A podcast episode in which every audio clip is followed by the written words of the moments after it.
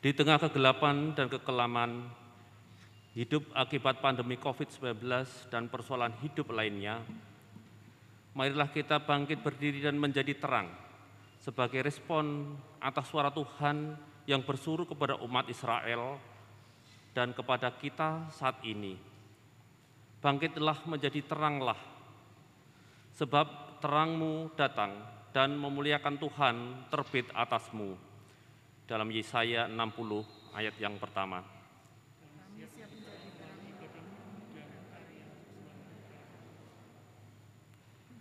Terang Allah hadir menjadi berkat dalam kehidupan kita. Kuasa rohnya mengurapi kita dan kasih karunia-Nya menyegarkan kita. Kita memuji Tuhan dengan menyanyikan Kidung Jemaat 18 ayat yang satu dan dua Allah hadir bagi kita.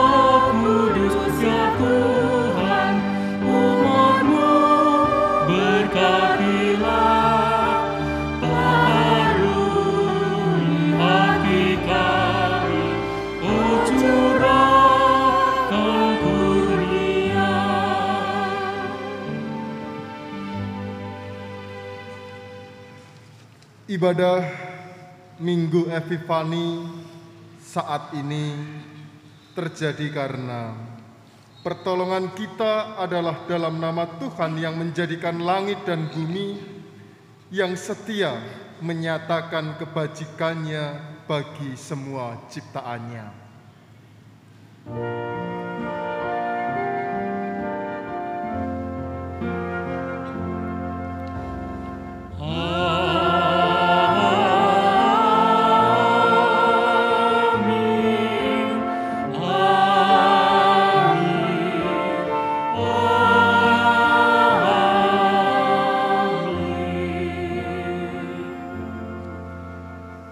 Kasih karunia dan damai sejahtera dari Allah Bapa kita dan dari Tuhan Yesus Kristus menyertai saudara sekalian. Dipersilakan untuk duduk kembali. Hari ini kita menghayati Minggu Epifani, yaitu hari raya gereja menghayati kelahiran Yesus Kristus sebagai wahyu Allah menjadi manusia di dunia Kemudian para majus dari timur datang sujud menyembahnya. Berangkat dari makna epifani dan bacaan-bacaan firman Tuhan saat ini, kita akan merenungkan apa dan bagaimana manifestasi kebajikan Allah kepada seluruh bangsa di tengah kerapuhan manusia yang ada. Kita menyanyikan NKB 61 ayat yang satu dan tiga.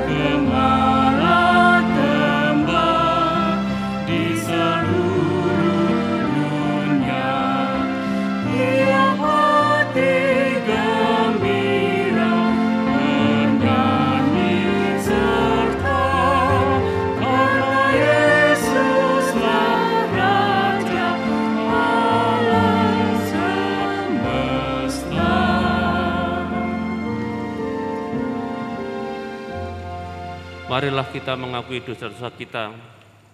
Tuhan, kami mohon ampun karena mendiskreditkan orang lain atau bangsa lain sebagai pihak yang tidak berkenan kepada Tuhan dan tidak layak memperoleh berkat dan keselamatan dari Tuhan. Tuhan, kami mohon ampun karena menganggap diri, kelompok atau bangsa kami yang paling berkenan pada Tuhan dan yang paling layak memperoleh berkat dan keselamatan dari Tuhan. Tuhan, kami mohon ampun karena menolak panggilan dari Tuhan agar kami memberitakan kabar baik kepada mereka yang belum mengenal Engkau. Tuhan, kami mohon ampun karena menolak nasihat dan perhatian dari pihak lain yang kami anggap kafir. Padahal itulah cara Tuhan menegur dan menuntun kami dalam pertobatan dan pemulihan hidup. Hanya di dalam nama Tuhan Yesus kami berdoa. Mari kita menyanyikan NKB 180 bait yang pertama dan kedua.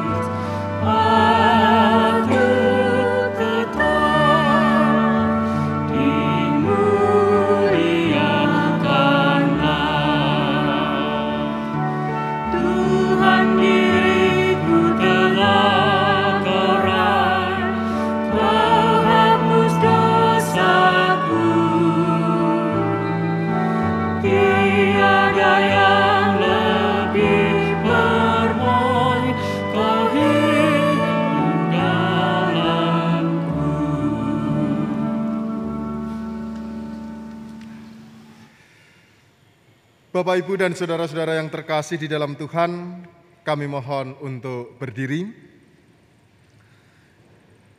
Kita bersama akan menerima berita anugerahnya yang diambil dari Efesus 2 ayat 8 sampai 10 yang demikian firmannya.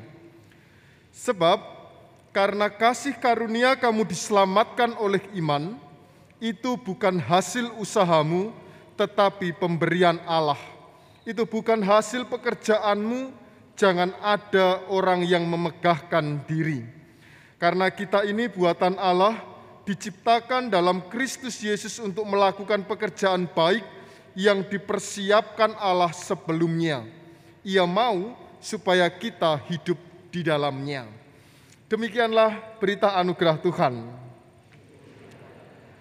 Kita berespon bersama berita anugerah ini dengan nyanyian kesanggupan dari pelengkap Kidung Jemaat di hatiku ya Yesus.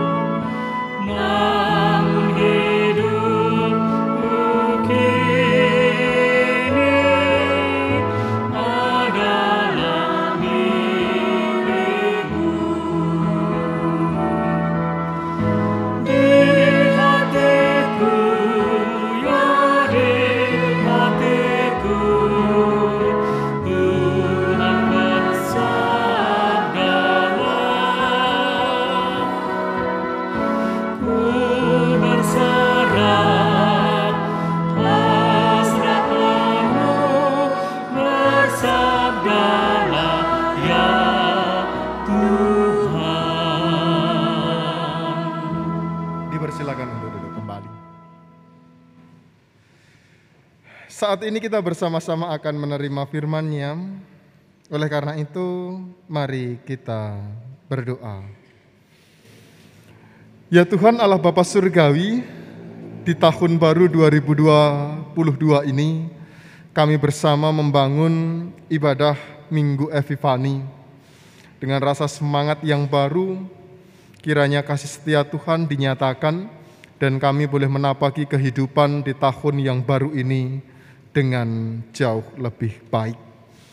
Sebagai dasar untuk kami menapaki kehidupan yang baik di tahun yang baik ini, kami bersama-sama hendak mendengarkan firman Tuhan.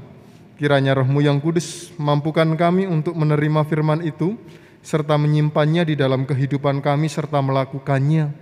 Sehingga apa yang boleh kami lakukan dalam kehidupan ini hanyalah seturut dengan kehendak Tuhan Berfirmanlah ya Allah kami siap mendengarkan hanya di dalam nama Tuhan Yesus Kristus Sang Sumber Keselamatan kami berdoa. Amin.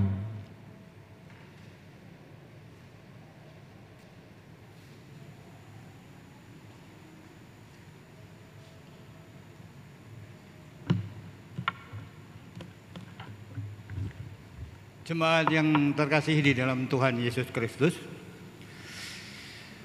Bacaan Alkitab yang pertama terambil dari Yesaya 60 ayat 1 sampai 6. Kemuliaan Sion yang akan datang. Bangkitlah menjadi teranglah, sebab terangmu datang dan kemuliaan Tuhan terbit atasmu. Sebab sesungguhnya kegelapan menutupi bumi dan kekelaman menutupi bangsa-bangsa, tetapi terang Tuhan terbit atasmu dan kemuliaannya menjadi nyata atasmu. Bangsa-bangsa berduyun-duyun datang kepada terangmu dan raja-raja kepada cahaya yang, terbit bagimu. Angkatlah mukamu dan lihatlah ke sekeliling. Mereka semua datang berhimpun kepadamu.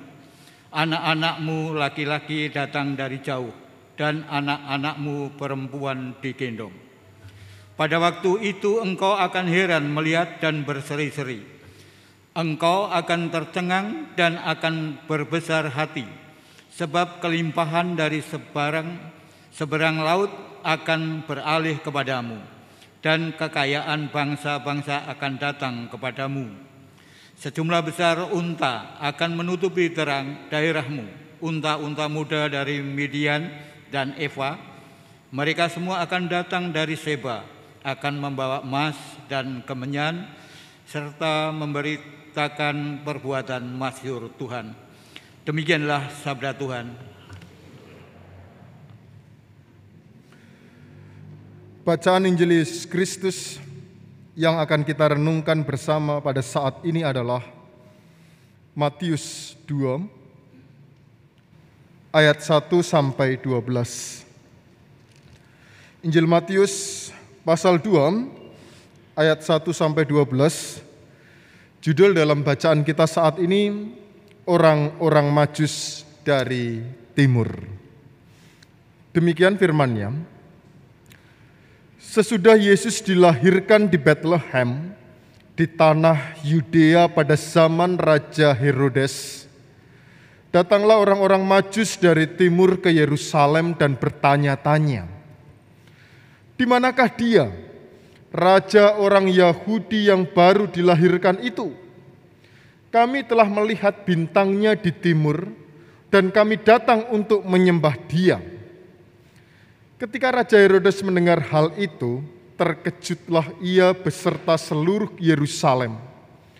Maka dikumpulkannya semua imam kepala dan ahli Taurat bangsa Yahudi, lalu dimintainya keterangan dari mereka di mana Mesias akan dilahirkan. Mereka berkata kepadanya, di Bethlehem, di tanah Yudea, karena demikianlah ada tertulis dalam kitab Nabi, dan engkau Bethlehem, tanah Yehuda, engkau sekali-kali bukanlah yang terkecil di antara mereka yang memerintah Yehuda, karena daripada mulah akan bangkit seorang pemimpin yang akan menggembalakan umatku Israel. Lalu dengan diam-diam Herodes memanggil orang-orang majus itu dan dengan teliti bertanya kepada mereka bila mana bintang itu nampak. Kemudian ia menyuruh mereka ke Bethlehem katanya, Pergi dan selidikilah dengan seksama hal-hal mengenai anak itu dan segera sesudah kamu menemukan dia, kabarkanlah kepadaku supaya aku pun datang menyembah dia. Setelah mendengar kata-kata raja itu, berangkatlah mereka dan lihatlah bintang yang mereka lihat di timur itu mendahului mereka hingga tiba dan berhenti di atas tempat di mana anak itu berada.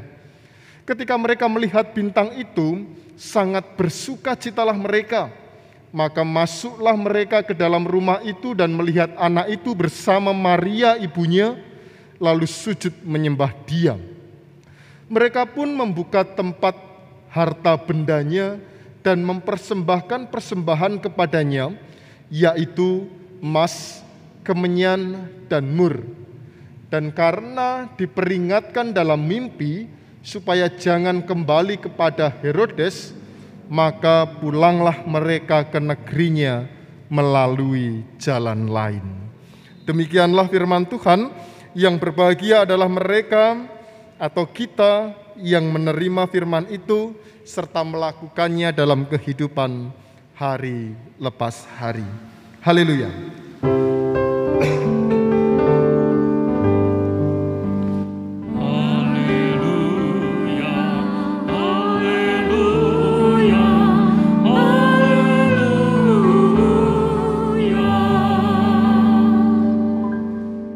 Shalom.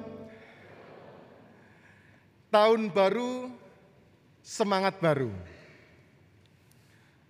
Mungkin banyak yang setuju dengan ungkapan saya tadi.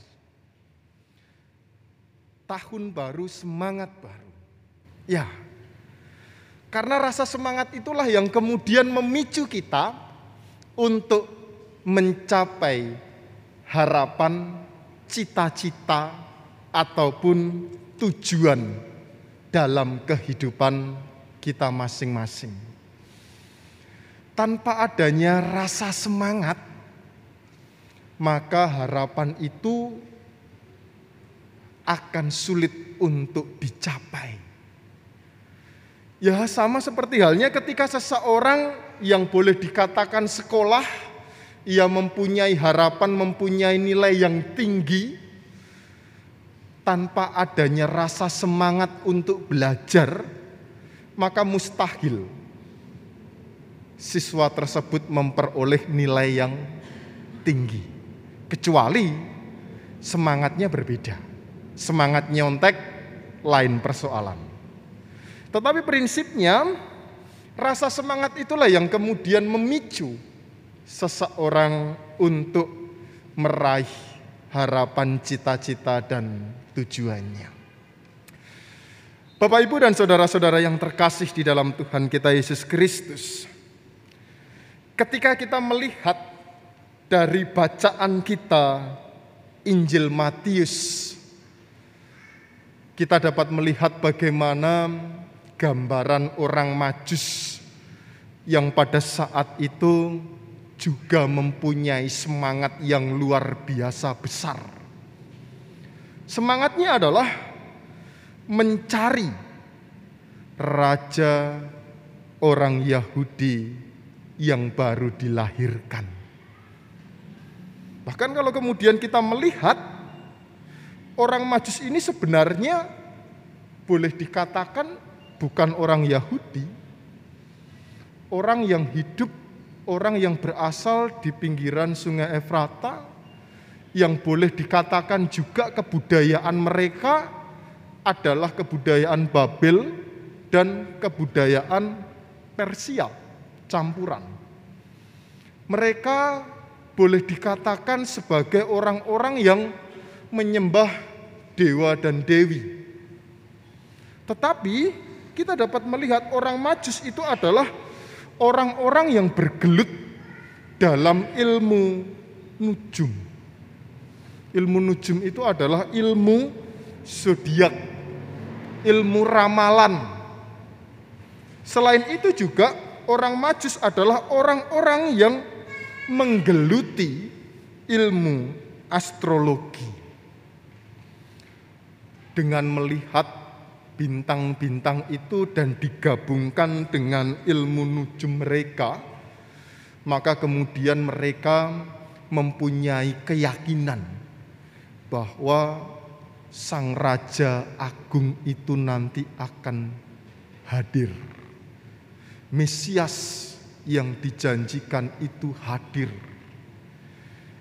Keyakinan itulah yang kemudian mendorong rasa semangat mereka ketika melihat bintang terang dari timur. Mereka meyakini dengan penuh bahwa itu merupakan tanda lahirnya raja. Oleh karena itulah dengan rasa semangat ia datang ke Yehuda. Ia bertanya, di manakah raja yang baru dilahirkan itu? Ia bertanya kepada orang-orang yang ada di situ sampai kepada pertanyaan itu terdengar oleh Raja Herodes. Dari sini kita dapat melihat Raja Herodes mempunyai respon yang mungkin boleh dikatakan negatif. Ia tidak mau kedudukannya tersisihkan. Makanya kemudian sebelum ia membuat rencana untuk mengambil raja yang baru dilahirkan itu, dan membunuhnya, ia mencari informasi terlebih dahulu kepada imam-imam dan ahli Taurat. Karena merekalah yang tahu tentang konsep teologi Mesias. Dan rupanya benar dari informasi ahli-ahli Taurat dan imam-imam raja itu lahir di Bethlehem, di tanah Yudea. Tanah yang boleh dikatakan kecil tetapi dipakai oleh Allah untuk lahirnya sang raja. Dengan demikian, semakin panaslah Herodes. Hingga kemudian ia menyuruh prajuritnya atau utusannya untuk memanggil orang Majus menghadapnya. Kemudian dengan sangat teliti, dengan sangat hati-hati, ia menyusun rencana agar orang Majus itu dapat memberikan informasi lebih lanjut tentang di mana keberadaan sang raja yang baru dilahirkan itu. Ia membuat sebuah alibi ketika nanti orang Majus itu sudah menemukan raja tersebut, ia akan datang menyembahnya. Tetapi Tuhan mengetahui setiap rencana licik jahat Herodes. Hingga ketika kemudian orang Majus itu keluar dari istana, ia melihat bintang timur itu dan kemudian menemukan Yesus, sang raja agung yang dilahirkan dan di dalam mimpinya kemudian orang Majus itu diperingatkan untuk tidak kembali lagi kepada Herodes. Hingga kemudian Herodes boleh dikatakan ia kecewa. Kenapa orang Majus itu tidak kembali? Hingga kemudian memicu amarah mereka, orang-orang Herodes dan termasuk Herodes di dalamnya, untuk membunuh semua bayi yang baru dilahirkan. Itu kalau kita mau melihat bacaan selanjutnya. Tetapi rupanya Tuhan Allah sungguh luar biasa kuasanya. Sebelum hal itu terjadi, Tuhan menyuruh Maria dan Yusuf serta Yesus bayinya untuk meninggalkan Bethlehem dan tinggal di Mesir sampai kepada Herodes itu mati. Dan ketika kemudian Herodes melancarkan aksinya membunuh anak-anak di bawah usia dua tahun, Yesus beserta keluarganya sudah aman di Mesir. Dan rupanya Mesir itu juga merupakan tempat untuk menggenapi janji Allah. Bapak, Ibu, dan saudara-saudara yang terkasih di dalam Tuhan kita Yesus Kristus, kembali lagi kepada rasa semangat. Di sini kita dapat melihat bagaimana kemudian semangat yang luar biasa itu muncul dalam kehidupan orang Majus dan Herodes. Ada dua perbedaan semangat yang pertama, semangat yang bersifat positif. Dan itu nampak dalam kehidupan orang Majus. Yang kedua, semangat yang bersifat negatif. Dan itu nampak dalam kehidupan Herodes. Banyak rasa semangat yang sering kali muncul dalam kehidupan kita. Kalau tadi saya mengatakan tahun baru, semangat baru, tujuannya rasa semangat adalah untuk mencapai cita-cita, harapan atau tujuan, itu menjadikan sebuah pertanyaan, semangat seperti apa yang kemudian hendak kita lakukan? Semangat positif atau semangat yang negatif? Dan ketika kita boleh meyakini Kristus yang lahir adalah Raja yang agung, adalah Mesias yang dijanjikan, tentu Spirit positif itulah yang kemudian perlu untuk kita hayati dengan melihat pribadi orang Majus. Karena semangat yang positif itulah yang Tuhan kehendaki. Tuhan tidak menghendaki agar kita mempunyai semangat yang negatif, menghalalkan segala cara untuk mencapai harapan, tujuan, dan cita-cita. Tuhan menghendaki agar kita mempunyai semangat yang positif dengan maksud agar kita dapat melihat bagaimana besar kasih Tuhan dalam kehidupan kita. Lalu yang kedua, yang dapat kita ambil dalam bacaan kita saat ini adalah mengucapkan syukur ketika harapan itu tercapai. Ketika orang Majus itu sudah menemukan sang bayi agung, raja yang lahir. Ada ungkapan syukur yang kemudian diberikan, yakni mas, kemenyan, dan mur. Mas itu adalah simbol kemurnian, kemenyan itu adalah simbol wangi-wangian, mur itu adalah rempah-rempah dan sebagainya itu adalah persembahan yang sungguh luar biasa baik di mata Tuhan. Dan ketika kemudian kita juga sudah menggapai cita-cita, harapan, dan tujuan kita, ungkapan syukur itu penting untuk kita naikkan kepada Tuhan. Paling tidak mengucaplah syukur di dalam doa karena dengan penyertaan Tuhan, harapan, cita-cita Bapak Ibu Saudara boleh tercapai. Ungkapan syukur banyak bentuknya. Apa pun bisa kita lakukan yang penting positif.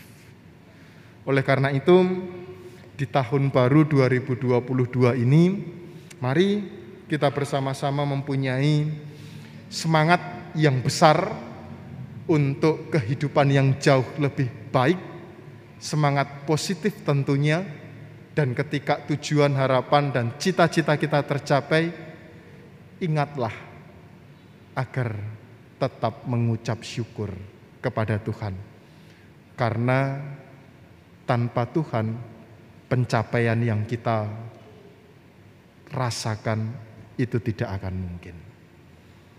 Selamat menapaki tahun baru 2022. Kiranya Tuhan Yesus memberkati kita sekalian. Amin. Saat teduh bagi kita.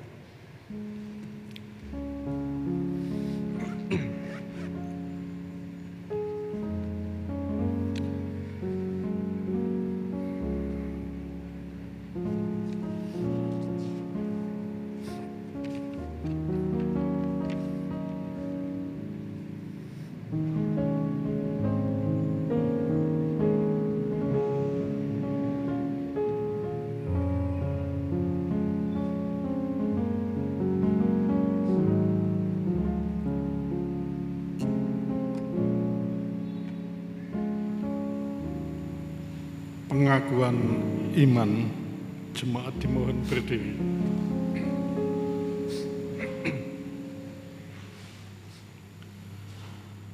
Bersama dengan umat Allah di sepanjang masa, mari kita ikrarkan dan teguhkan kembali pengakuan iman percaya kita dengan bersama mengucapkan pengakuan iman rasuli.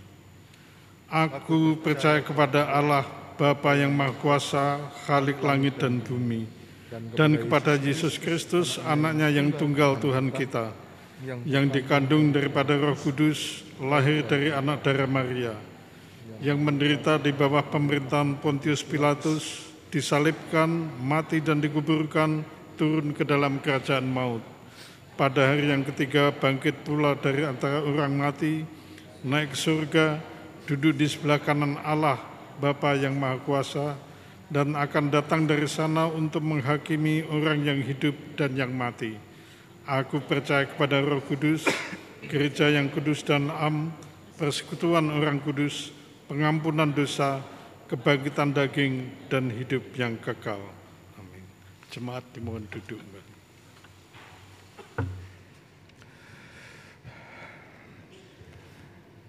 Saat ini kita akan bersama-sama masuk di dalam doa syukur dan syafaat. Mari kita berdoa.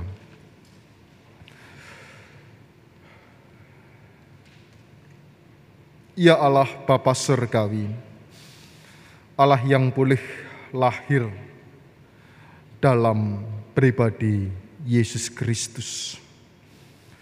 Allah yang dengan penuh kuasa menyatakan kasih dan kemuliaannya sehingga pada saat ini kami boleh menghayati akan cinta kasih Tuhan dalam kehidupan kami. Terlebih khusus kami boleh belajar melalui firman-Mu di mana kami boleh melihat kembali rasa semangat yang besar untuk merasakan datangnya Mesias. Sama seperti halnya orang Majus yang punya semangat yang besar untuk mencari raja yang baru dilahirkan. Dan semangat itulah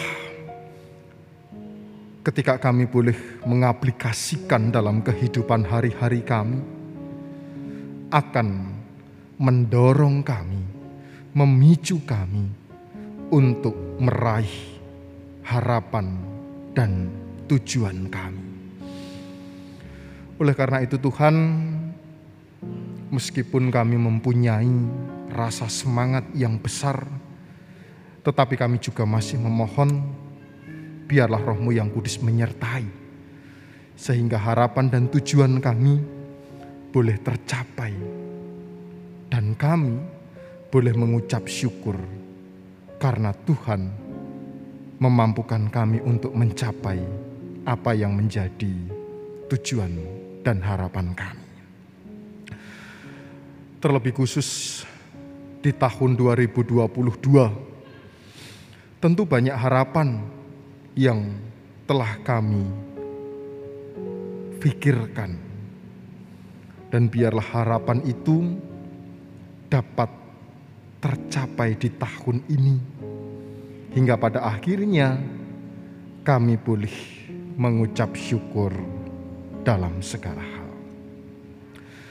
Ya Allah Bapa Surgawi, saat ini kami berdoa untuk kehidupan gerejamu di mana pun engkau menempatkan gereja.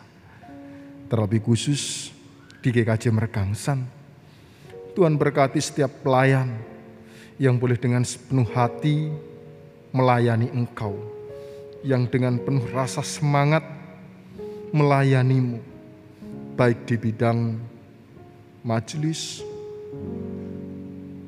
multimedia, song leader organis, tim dekorasi, tenaga harian gereja, ataupun yang lainnya.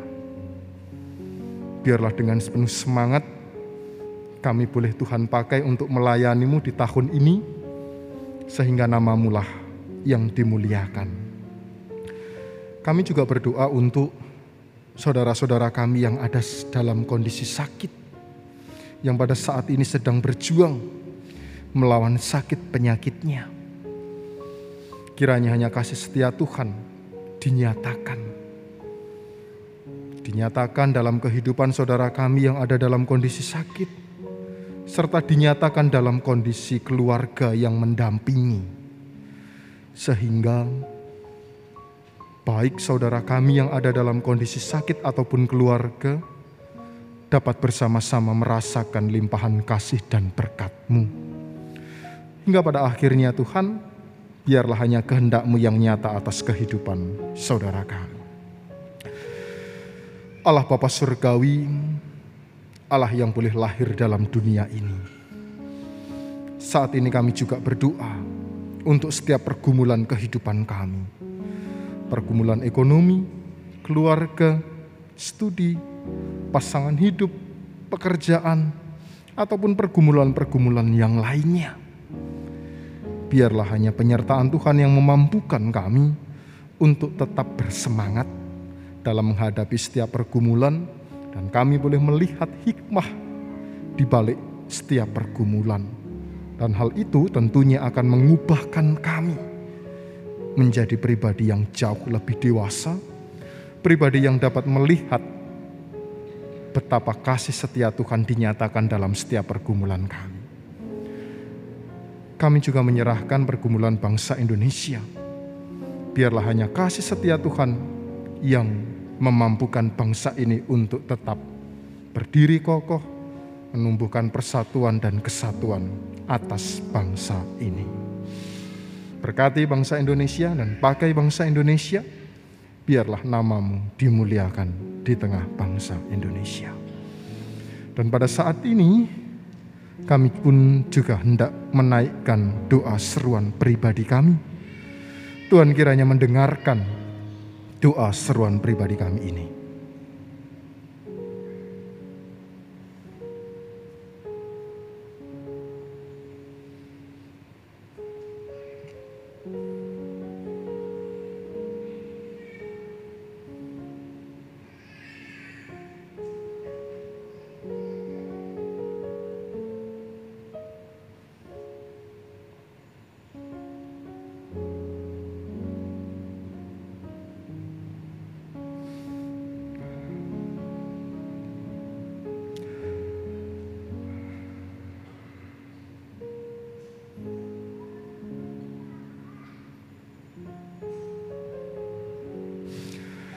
Inilah doa seru permohonan kami ya Allah. Segala doa permohonan yang kami naikkan di dalam doa syukur dan syafaat ini, biarlah hanya kehendakmu yang nyata atas kehidupan kami. Jikalau terselip dosa kesalahan ketika kami menghaturkan doa ini, kiranya hanya pengampunan yang daripadamu dinyatakan. Doa ini hanya kami minta di dalam nama Tuhan Yesus Kristus yang telah lahir yang menjadi raja atas kehidupan kami. Haleluya. Amin.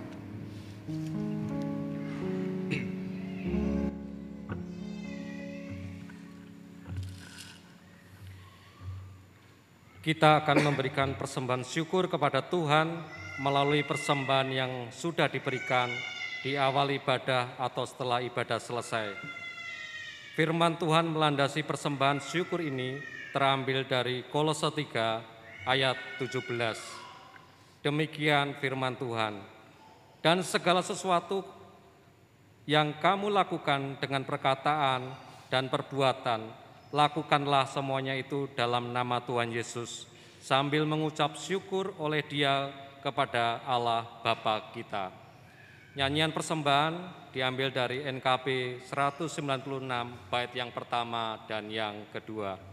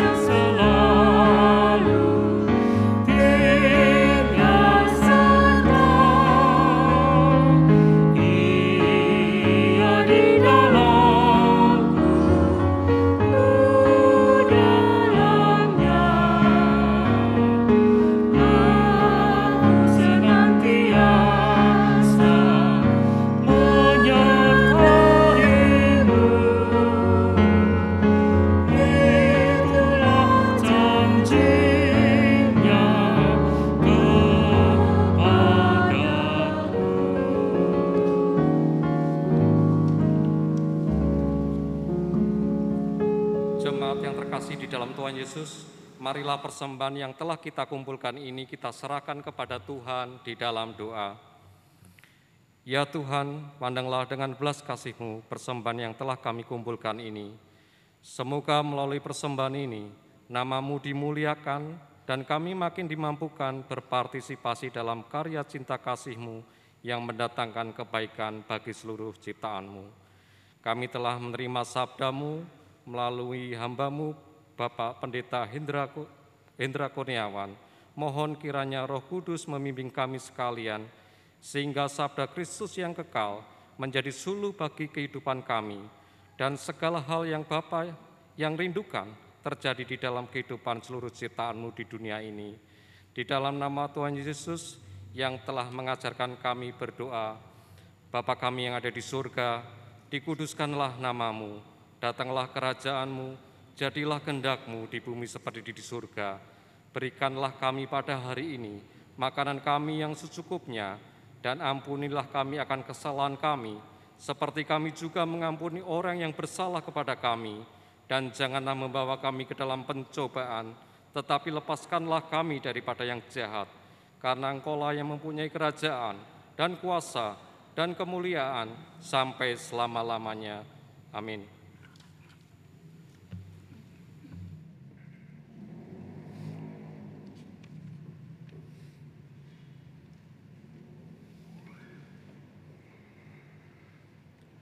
Bapak, Ibu, dan saudara-saudara yang terkasih, kita masuk di dalam pengutusan. Bersama-sama kita akan memuji nama Tuhan kembali dari pelengkap Kidung Jemaat nomor 184, baitnya yang pertama dan yang kedua. Kami mohon Bapak, Ibu, Saudara berdiri.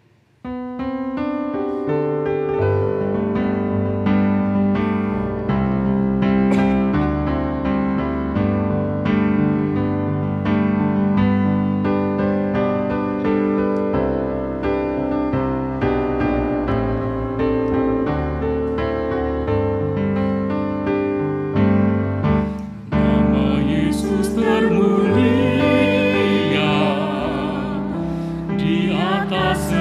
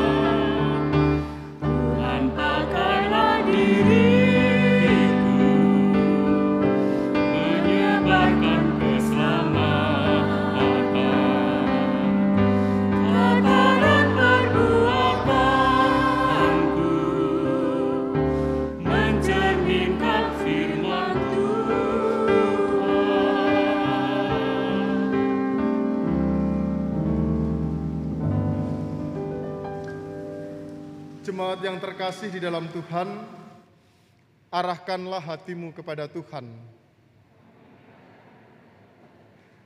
Bangkitlah, menjadi teranglah, sebab terangmu datang dan kemuliaan Tuhan terbit atasmu.